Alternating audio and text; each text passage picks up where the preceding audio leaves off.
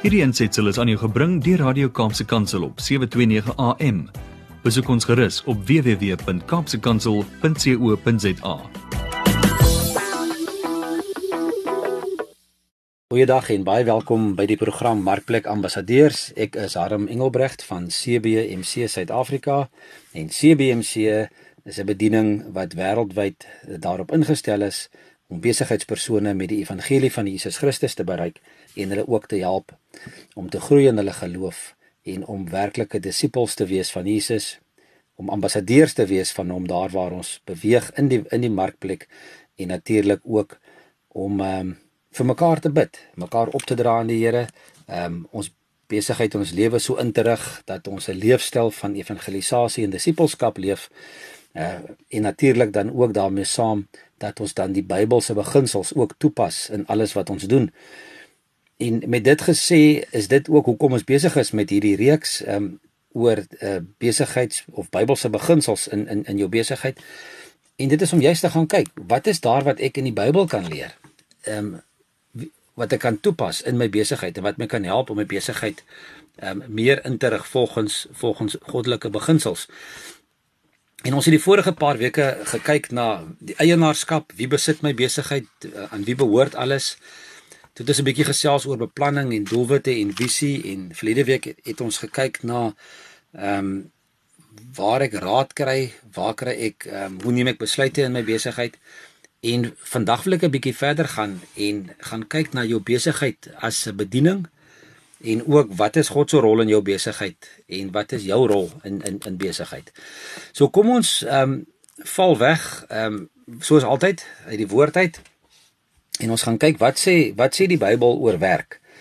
Ehm um, baie mense gaan vir jou sê werk is 'n straf en en werk het gekom as gevolg van uh, die sondeval en uh, as dit Eva was soos party mense sê wat die appel geëet het nie dan het ons nie nodig gehad om te werk nie, dan ons maar net rondgehang. Maar dit is heeltemal nie die waarheid nie. Dit is so ver verwyderd. Ehm um, dis eintlik lagwekkend. Die woord van God sê vir ons in in Genesis 2 vers 15. Die Here God het die mens in die tuin laat woon om dit te bewerk en op te pas.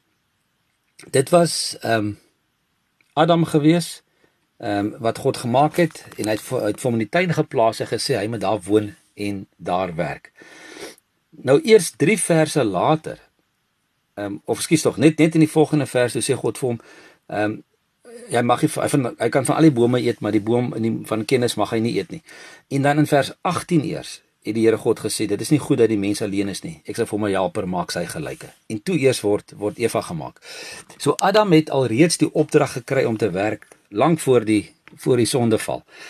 Ehm um, En dan natuurlik na die sondeval in Genesis 3 vers 17 tot 19 ehm um, sê sê sê God vir Adam omdat jy na jou vrou geluister het en geëet het van die boom waarvan ek jou verbied het om te eet is die aarde deur jou toedoen vervloek en dan sê hy met swaar kry sal jy bestaan maak die aarde sal vir jou dorings en dussels uitsprei en jy sal vetplante eet net deur harde werk sal jy kan eet so die punt is dat dat werk reeds bestaan het maar dat dit moeiliker geraak het ehm um, na die na die sondeval.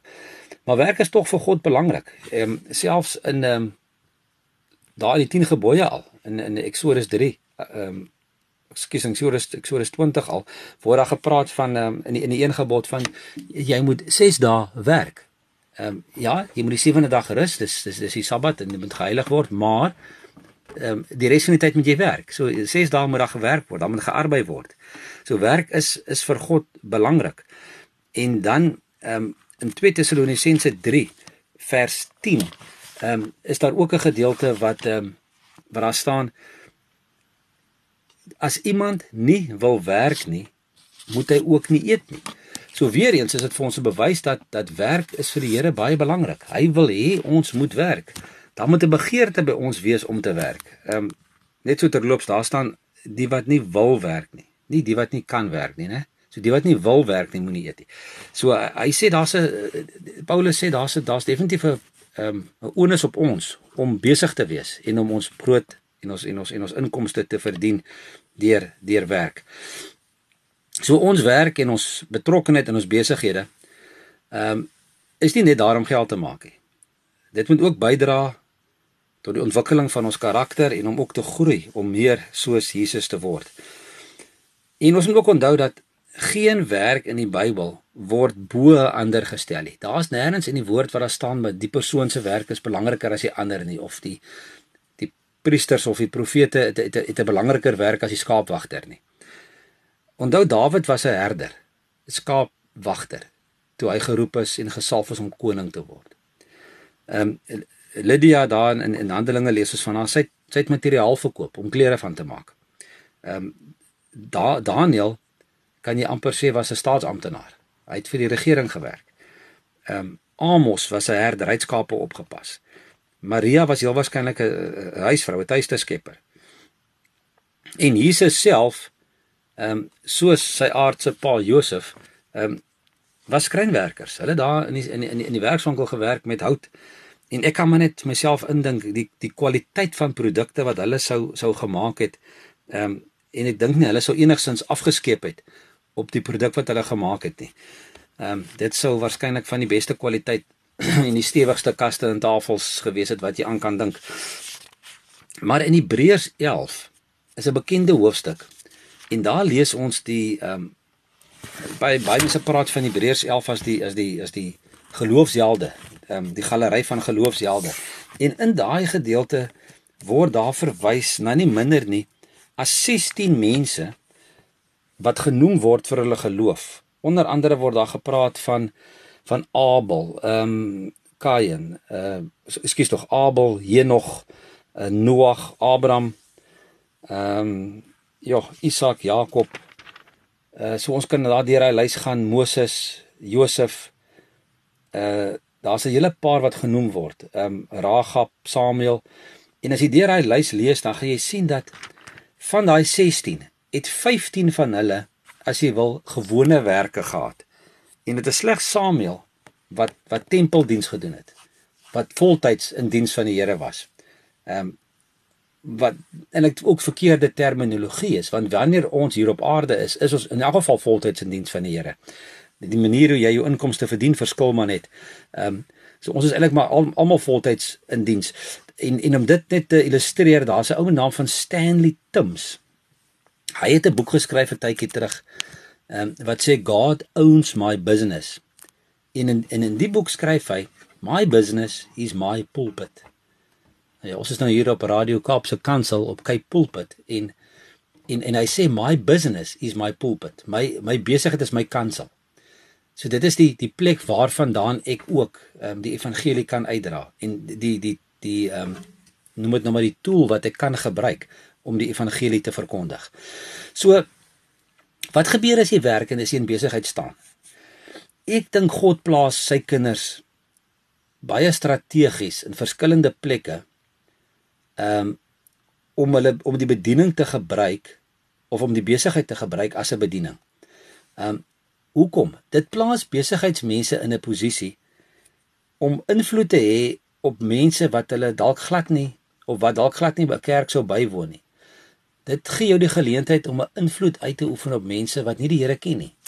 Ehm um, dit dit maak dit ehm um, dat dat die rol wat jy speel in jou besigheid net so groot of groter is as die rol wat jou predikant of pastoor by jou gemeente speel. Want jy raak eintlik die pastoor of die predikant van jou eie besigheid.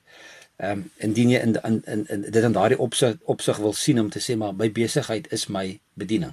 En dit is tog wat God van ons ook verwag as as besigheidspersone. Ja, God het predikante en sendelinge nodig.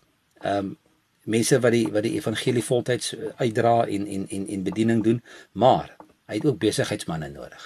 Hy het besigheidspersone nodig wat daar in die markplek, daar waar die mense baie van hulle tyd spandeer, meeste van hulle tyd spandeer. Daar waar mense ten minste 8 tot 10 ure, partykeers meer tot 12 ure per dag spandeer. Daar het God mense neergesit. Daar het hy dalk vir jou en vir my neergesit om in ons besighede hom te eer, hom te dien en om ook daardeur die besigheid te gebruik om die evangelie uit te dra. Kom ons gaan gou 'n bietjie verder en ons kyk wat is God se rol verder in my besigheid en wat is my rol in my besigheid. Nou ons het verlede week of 2 3 weke terug al gesien in ons eerste praatjie in hierdie reeks dat dat God my besigheid besit. Hy is die eienaar daarvan. Ehm um, maar dat hy jou toevertrou het of wat hy vir jou vertrou om hierdie besigheid namens hom te bestuur. So hy vertrou jou as 'n rentmeester. Hy vertrou jou om 'n getroue rentmeester te wees van sy besigheid. Maar volgens die Bybel het God nog steeds 3 rolle in jou besigheid wat jy vir hom bestuur. En daar's daar's 3 en dit is interessant as jy gaan gaan soek in die Bybel vir die goed ehm um, dat 'n ou baie keer oor dit lees en en dit dalk nie eers raak sien of dit verstaan nie. Maar daar's drie definitiewe rolle wat die Bybel vir ons sê en dan ons kan wat gaan soek en dan gaan waarskynlik meer wees. Maar kom ons kyk gou vandag na drie rolle wat wat God inneem in jou besigheid. En die en die eerste ene wat ek nou wil kyk is ehm um, is Eksodus 35 daarvan vers 30 tot 35. Nou as jy die die die geskiedenis ken daar, wat hier gebeur het is hulle was besig om uh, om uh, die tent van ontmoeting uh, te maak en toerusting wat binne in dit moes gepas het. Hulle moes die tabern uh, hulle moes die um, die ark maak en hulle en hulle sekere ehm um, voorskrifte gehad van hoe dit moes lyk. Ehm um, die tabernakel. En toe staan daar of nou nou staan daar van vers 30 tot 35 dat daar vakmanne nodig was om die tent van ontmoeting te bou. En Moses sê toe vir die Israeliete daarvan vers 30 af: "Kyk, die Here het vir Besaliel uitgekies vir die werk." Nou daar's die eerste rol wat God het. Hy kies iemand uit om 'n sekere werk te gaan doen. So hy sit jou op 'n sekere plek waar hy jou wil hê. Dan sê vers 31: Die Here het hom toegerus met sy gees met die Heilige Gees. Daar staan hoofletter. Die Here het nou vir Besaliel toegerus met die Heilige Gees sodat hy met vaardigheid, insig en verstand enige werk kan doen. So die Here het hierdie ou gevat, hom gekies en hom ek wil sê ongelooflike maar gelooflike vermoëns gegee om dit te kan doen wat God wou hê hy moes doen. Daar staan hy het vir hom vaardigheid gegee. Hy het vir hom insig gegee. Hy het vir hom verstand gegee om enige werk te doen. En dan staan daar wat het hy gedoen? Ontwerpe gemaak en dit in goud, silwer en brons uitgewerk. Edelstene verwerk en gemonteer en houtwerk gedoen. Hy sal enige werk kan doen. Die Here het dan ook vir hom nog 'n persoon gegee vir Oholiab uit die stam van Dan en hy gee vir daai man die bevaagdheid om ander as vakmanne op te lei. So hy gee een ou die vermoë om al hy werk te doen, vir 'n ander ou gee die vermoë om weer die volgende ouens te gaan oplei om hulle werk te doen. Die Here het aan hulle die vaardigheid gegee om al die werk van 'n vakman te verrig. Weereens om te ontwerp, om linne te borduur, om te weef. Hierdie manne kan enige werk doen en ontwerpe maak. En dan staan by vers 1 van die volgende hoofstuk Besaliel, Oholiab en al die ander vakmanne vir wie die Here die vaardigheid en verstand gegee het om te weet hoe om al die werk van die heiligdom uit te voer, moet die werk doen soos die Here hulle beveel het. So dit sê vir ons dat dat God het 'n rol in jou besigheid deur vir jou ehm um, nommer 1 die vermoëns te gee om jou werk te kan doen. Hy gee vir jou die vaardighede. God gee vir verskillende mense verskillende vaardighede en verskillende vermoëns, maar nie een is beter as 'n ander nie. Elkeen is op sy eie terrein 'n uh, uitblinker. Ehm um, baie mense wat dalk sit en met syfers en met getalle werk heeldag en boeke doen, gaan dalk dink die persoon wat dit nie kan doen nie is 'n bietjie minderwaardig. Maar hy persoon wat wat die bouwerk kan doen of wat die teelwerk kan doen of wat jou kar kan regmaak, het totaal ander vaardighede as wat jy het. Dit maak nie van hom 'n swakker of 'n beter persoon nie. Dit maak van hom iemand wat op 'n ander terrein uitblink. En ek het eendag die mooi storieetjie gehoor van die diere in die veld wat met mekaar gesels het. En toe het hulle gekyk nou wie's nou die beste van hulle klomp. En toe en toe sê die die die die aapie maar ek, ek kan in die boom klim. Kyk wat kan ek alles doen? Ek klim in die boom. Uh, so julle wat nie in die boom kan klim nie is is is is is is nie is nie op my standaard nie. Toe sê die arend maar kyk hoe hoog kan ek vlieg? Um, julle slaat nie op my standaard. Ek meen wie van julle kan nie bo vlieg waar ek vlieg? En toe sê die vis wat daar in die in die dammetjie swem, Nou wie van julle kan saam met my kom swem hier in die diepte van die dammetjie en heeldag onder water bly? So elkeen het sy eie rol, elkeen is op 'n spesifieke plek geplaas, elkeen het sy eie posisie om uiteindelik die hele ehm um, noem dit nou maar al die al die al die uh, soos die Engels sê al die bases te, te te cover om alles te dek wat gedoen moet word binne in jou besigheid. So jy het 'n vermoë gekry ehm uh, wat God aan jou gegee het om om jou rol te vervul wat hy wil hê jy moet vervul. So God gee aan jou ehm uh, vermoëns om jou, kom ons noem dit nou maar jou God gegeewe rol uh, te kan speel waar hy jou waar hy jou wil hê en waar hy jou wil gebruik. Maar behalwe daarvoor dat God vermoëns gee. Ehm um, en die, die Engelse praat van die skills vir ons gee. Is dit ook hy wat vir jou sukses gee? Dis hy wat wat wat wat jou seën met met sukses in jou besigheid. En dan in ek in Genesis hoofstuk 39 lees ons daarvan van Josef. Ehm um, Genesis 39 albei vers 2. Die Here was by Josef en dit het baie goed gegaan met hom. Hy het in die huis van die van sy eienaar, die Egiptenaar gebly. Toe Potifar, Josef se eienaar sien, toe Potifar sien dat die Here by Josef is en dat die Here alles wat Josef aanpak laat slaag, was Potifar hom goedgesind. So die Here het hom laat slaag. Die Here was hom goedgesind. So wie gee vir jou sukses in jou besigheid? Dis nie jou eie goedheid nie, jou eie oulikheid nie. Dit is die Here wat dit vir jou gee. Ehm um, en weer eens, elkeen het verskillende verantwoordelikhede, elkeen het 'n werk om te doen, maar dit is God wat bepaal en wat die en wat die sukses beheer op die einde van die dag.